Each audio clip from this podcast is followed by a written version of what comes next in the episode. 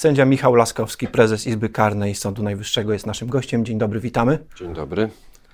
Panie sędzio, dziękujemy za przyjęcie zaproszenia do programu. E, jak tam w Izbie Karnej, po tym, gdy kilkoro sędziów jednak ubyło ze składu, ponieważ zasilili Izbę Odpowiedzialności Zawodowej? No tak, my w ostatnich miesiącach przeżywamy takie e, ruchy kadrowe, bo najpierw przyszło do nas troje sędziów z Izby Dyscyplinarnej. Jeszcze wcześniej jeden z sędziów no, zakończył tę procedurę i prezydent go powołał. No a potem powołana została ta izba i czworo naszych sędziów zostało wskazanych jako orzeczników w tej izbie. To się wiąże z, e, ze zmniejszeniem ich obciążenia w tej izbie macierzystej, czyli w tym przypadku w izbie karnej E, ale tak czy owak, jakby liczyć, no to dwóch sędziów nam ubyło, bo to po, po ćwierć obciążenia dotyczy każdego z nich. No ale mamy łącznie w tej chwili 32 sędziów i to powoduje, że jest to obsada, której od lat nie było w Izbie. Aczkolwiek mamy też, e, to jest interesujące nawet, bo nieustannie zwiększa się wpływ spraw, mimo że generalnie spraw karnych nieco ubywa w kraju i przestępstw jest mniej, z tych stwierdzonych, przynajmniej zakończonych tak, aktem oskarżenia. No tak. właśnie. A, a kasacji i różnych tam innych środków, które rozpoznajemy, jest więcej. I ciekawe z czego to wynika, czy to z kształtu, y, nowego kształtu, czy modelu postępowania odwoławczego, e, gdzie sąd drugiej instancji może zmienić orzeczenie i merytorycznie jakby orzec po raz pierwszy w takim kształcie, no, czy to w ogóle zmieniają się obyczaje społeczne i strony bardziej są skłonne do kwestionowania orzeczeń, czy może są jakieś inne przyczyny. To nawet ciekawe było zjawisko, byśmy chętnie je zbadali, gdyby nie to, że ciągle jest pełno innych takich palących problemów. Które trzeba zbadać w pierwszej kolejności. No właśnie. Na razie e, emocje rozpala e, wymiana zdań i poglądów między prokuraturą i Izbą Karną doszło do sytuacji dawno niespotykanej, gdy prokurator, no, jeśli dobrze rozumiem, postawił zarzut jednemu y, z sędziów, y, który nie jest poparty faktami. Chodzi o sędziego płóciennika, zdaniem prokuratora sędziego wojskowego, podczas gdy z dokumentów wynika, że on nigdy wojskowym sędzią nie był. Co to za przedziwna historia, panie sędzio? Tak, to y, ja rzeczywiście wystąpiłem nawet z oficjalnym pismem do prokuratora generalnego, bo to sytuacja niespotykana. E, pan sędzia Płóciennik był już kiedyś, przed paru laty, jak pamiętam, kiedy byłem jeszcze rzecznikiem e, prasowym sądu, e, był jakby pomówiony o to, że, no, czy, czy wskazano, że on był sędzią wojskowym w jakimś tam okresie. Myśmy to wojennym, czy tam nawet. No więc właśnie, no, myśmy to prostowali wtedy, wyjaśniali. To była pomyłka, jakaś zbieżność nazwisk z kim innym. E, no a tymczasem teraz w kasacji, czyli no w jednak oficjalnym pismie procesowym prokuratury, pojawiło się to samo, czyli no ktoś tego nie zweryfikował, nie sprawdził, oparł się na jakichś przestarzałych, czy nie wiem jakich. Mam nadzieję, że to jest tylko kwestia pomyłki, a nie, a nie czego innego. E, no i takie, i jeszcze potem e, znowu zaczął, odwoływał się do innego sędziego z naszej izby, też to doszło do, do zmiany przejęzyczeń. Ja napisałem to pismo głównie ze względu na sędziego płóciennika, którego było mi jakby żal, że został tak tutaj obsmarowany. E, natomiast no nie wiem, czy doczekam się no, jakiejś odpowiedzi. Na razie nie mamy ciągu dalszego. Odpowiedzi nie ma, zobaczymy, czy ona się pojawi. Wydawałoby się, no, że tak wypadałoby powiedzieć, przepraszam, pomyliliśmy się, w zapale wszyscy się mylimy, więc byłoby to zrozumiałe. Ale zobaczymy. E, to jest jakiś dalszy ciąg takiej, no więcej niż utarczki już, prawda, między urzędem prokuratorskim a e, Sądem Najwyższym. E, no, pan, przepraszam, to nie powinien być e, chyba despekt żaden. Pan uosabia tę ciągłość Sądu Najwyższego z czasami poprzednimi jako jeden z nielicznych już prezesów izb. Tak, jest dwóch takich prezesów, którzy są jakby z tej puli starych sędziów. Pan Piotr Prusinowski kieruje Izbą Pracy i Ubezpieczeń Społecznych, no ja jestem tym drugim. W pozostałych izbach są nowi prezesi, za chwilę będzie jeszcze jeden.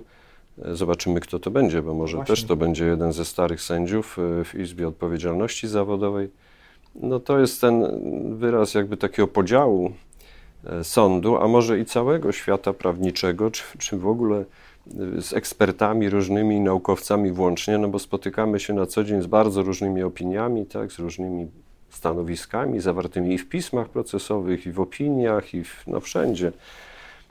I, I, obserwujemy to zjawisko z, z, takim niepokojem, bo to nie jest coś korzystnego dla odbioru prawa, takiego społecznego odbioru prawa. No, prawo powinno być równe dla wszystkich, a nie, że co sprawa, to znajdziemy zawsze jakiegoś eksperta, który powie dokładnie coś innego.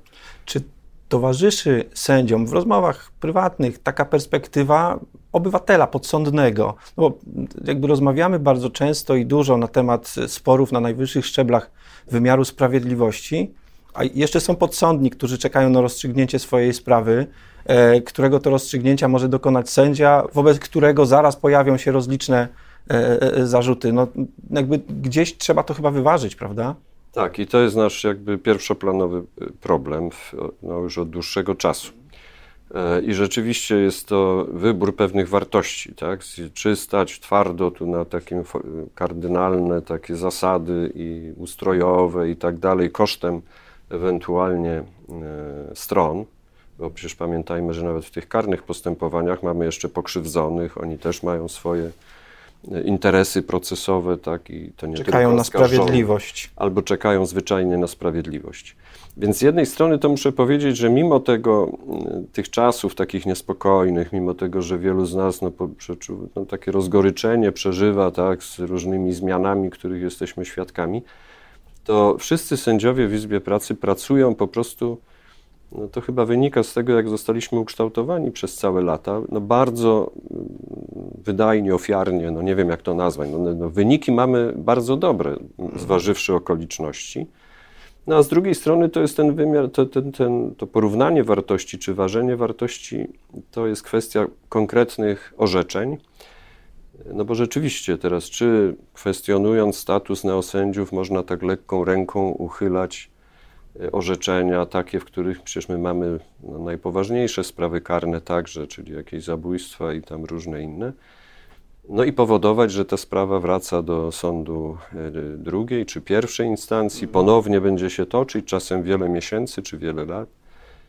E, I zapewniam, że wszyscy się nad tym zastanawiamy, ważymy. To oczywiście rezultaty mogą być różne, ale z całą pewnością to jest jakieś nasze no, pierwszoplanowa perspektywa, nie? perspektywa stron.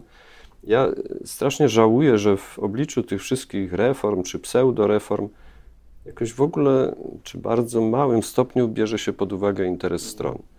No ta sprawność postępowań strasznie spadła. No, my jesteśmy w głębokim kryzysie, jeśli chodzi o sądownictwo, w ogóle wymiar sprawiedliwości. E, I porównując wyniki tego wymiaru sprawiedliwości, które kiedyś nie były jakieś tam rewelacyjne, no ale ale one się znacznie pogorszyły. Można to zmierzyć różnymi tam urządzeniami statystycznymi. E, I to, to jakby dowodziło tego, że, że osoby, które powinny wszystko robić, żeby te sądy były sprawniejsze, no to zajmują się niekoniecznie tym, często zupełnie czym innym. A czy powrót do, żeby było tak, jak było, jest rozwiązaniem czegokolwiek? Nie, to, y, to jest hasło, które chyba propaganda, powiedziałbym, tych reformatorów tutaj stworzyła. Y, nikt rozsądny nie chce, żeby było tak, jak było. Tak? My nie byliśmy wcale zadowoleni z tego, jak wygląda sądownictwo przed rokiem 2015. Ono miało szereg tam no, mankamentów, to tak już ogólnie mówiąc, y, i wymagało, i wymaga nadal głębokich, czy takich istotnych, przemyślanych reform na różnych polach, z różnych perspektyw, i tego no, jakby nie, trudno je dostrzec, powiedziałbym. One raczej się ogniskują wokół, wokół zakresu władzy ministra sprawiedliwości, czy, e, czy ograniczaniu samorządności, czy takich różnych tam postępowań dyscyplinarnych, żeby to było z różnych względów wygodne narzędzie. Natomiast co do tej sprawności, to niestety efekty, czy nawet te działania są takie słabe. Gdy mówimy o postępowaniach dyscyplinarnych, to chciałbym jeszcze wspomnieć o takim wątku. Pan sędzia występuje niekiedy jako obrońca e, w tych postępowaniach przeciwko sędziom, e, których, jak rozumiem, chce pan bronić z przyczyn e, pryncypialnych. Tylko teraz pytanie, bo w Izbie Odpowiedzialności Zawodowej orzekają różne osoby. Jedne są sędziami, co do statusu których nie ma zastrzeżeń, ale inni już nie. Jeśli dobrze rozumiem, to jest tak, że niekiedy E, że niekiedy e, obrońcy czy sami podsądni występują o wyłączenie składu sędziowskiego albo przynajmniej jego części od rozpoznawania tej sprawy. I tu też jest pewna nierówność. Czy wszyscy, czy wszyscy obrońcy powinni robić tak samo, czy powinni raczej brać tę perspektywę swojego mocodawcy? Zgodnie z przepisami prawa obrońca działa w kierunku korzystnym dla osoby, której broni. I różnie jest korzystny. Można równie, różnie to oceniać, prawda? Czasem nawet można się różnić samym e, oskarżonym czy obwinionym w tych poglądach, ale trzeba działać zawsze na korzyść. No i niewątpliwie zdanie w tym wypadku obwinionego sędziego ma bardzo duże znaczenie, jak on to widzi. Mhm. E, I tym się generalnie kierujemy, przynajmniej ja się kieruję. E, I myślę, że to e, powinno. I, I, widzimy, że są bardzo różne te mhm. postawy obwinionych. Część kwestionuje wszystko i wszystkich. No tak już skracam to, bo to oczywiście tak nie jest. Część poddaje się orzeczeniom tej izby. To oczywiście zależy od składów, i to jest znowu efekt no, tych wszystkich zmian, z którymi mieliśmy do czynienia. No, dla części osób i to będzie się powtarzać we wszystkich sprawach i dyscyplinarnych, i regularnie karnych. Mamy całą masę wniosków o wyłączenia sędziów. No to kiedyś w Sądzie Najwyższym to była niesłychana rzadkość związana tam z jakimiś powiązaniami rodzinnymi czy jakimiś nadzwyczajnymi sytuacjami. A w tej chwili to jest codzienność i my codziennie rejestrujemy wnioski o wyłączenia sędziów, o przeprowadzanie testów. To się jeszcze zwielokrotniło po przejściu sędziów byłej Izby Dyscyplinarnej do naszej Izby. No i to Jak jest... te testy, czy one już według nowej ustawy y, przebiegają? Te testy, tak, one się zaczęły, jakby procedury w tych testach, bo to jest dosyć zagmatwana procedura, dosyć trudno jest złożyć wniosek, który w ogóle zostanie przyjęty, bo obostrzenia, które, czy takie rygory, które... To powiązanie ze sprawą konkretną, no właśnie, tak? Jak to zrobić, tak? No my możemy powiedzieć, nie podoba nam I się... I to na sposób... przyszłość, bo przecież to, to, to, się jakoś musi chyba z tym orzeczeniem końcowym wiązać, tak? Bardzo to jest trudne, tak? Nawet, nawet takie chociaż zamarkowanie tego problemu jest, jak sądzę, trudne dla adwokatów, a mówię to, bo dokonuję jakby kontroli formalnej tych wniosków. No ale potem szalenie taka nieżyciowa jest ta procedura. No, my mamy to niby robić w dwa tygodnie. To jest pięciu sędziów Sądu Najwyższego i, na, i w prawie w każdej sprawie, no poza jedną, którą znam, gdzie byli sami starzy sędziowie i która została umorzona, bo w międzyczasie wyłączono tego sędziego na podstawie innych przepisów no to one wszystkie pozostają w toku. Tam są jakieś wnioski o wyłączanie. Starzy sędziowie chcą, żeby wyłączać nowych. Nowy sędzia, pan Zaradkiewicz, złożył o wyłączenie wszystkich starych od sprawy, którą zainicjował. Yy, ja jestem ciekaw, czy i kiedy w ogóle, a może kiedy i czy się zakończy któreś z tych postępowań merytorycznym rozstrzygnięciem, a trzeba też zwrócić uwagę, że to merytoryczne rozstrzygnięcie ono będzie miało wagę tylko w tej konkretnej sprawie.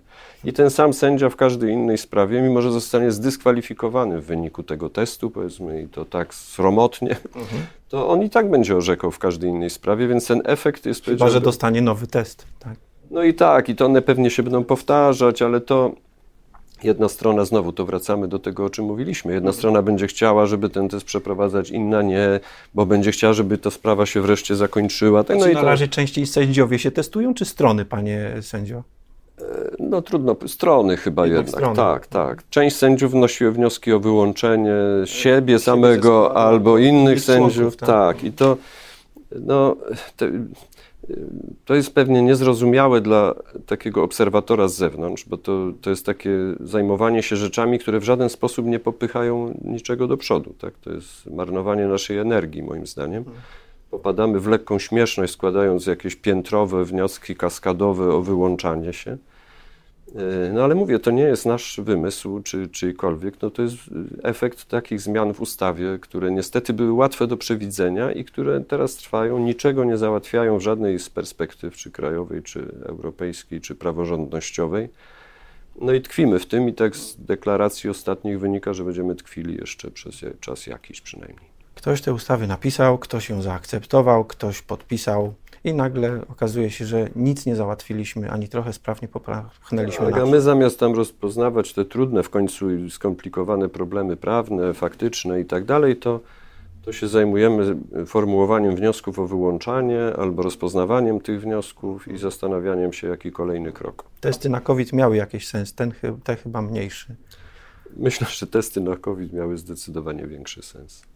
Tą smutną refleksją kończymy nasze spotkanie. Michał Laskowski, sędzia Izby Karnej Sądu Najwyższego i jej prezes był naszym gościem. Dziękujemy. Dziękuję bardzo.